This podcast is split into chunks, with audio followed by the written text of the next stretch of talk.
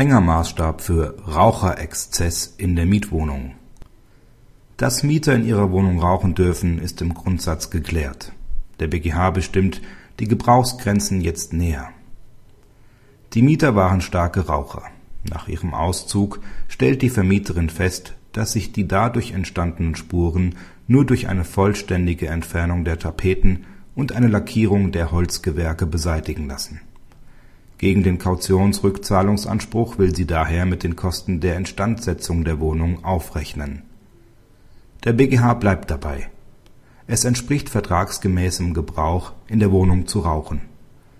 Erst wenn die durch das Rauchen verursachten Beeinträchtigungen der Wohnung nicht mehr durch Schönheitsreparaturen im Sinne des § 28 Absatz 4 Satz 3 der zweiten Berechnungsverordnung beseitigt werden können, wird dieser Rahmen gesprengt sogenannter Raucherexzess, was bei Tapezieren und Lackieren als typischen Dekorationsarbeiten nicht der Fall ist.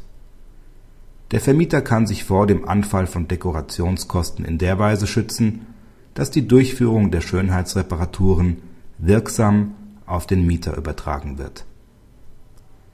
Praxishinweis Die Entscheidung entspricht der bisherigen Rechtsprechung des Senats das Rauchen in der Wohnung zum normalen Mietgebrauch rechnet. Soll dies ausgeschlossen werden, bedarf es einer Vereinbarung und nicht bloß einer Bitte des Vermieters.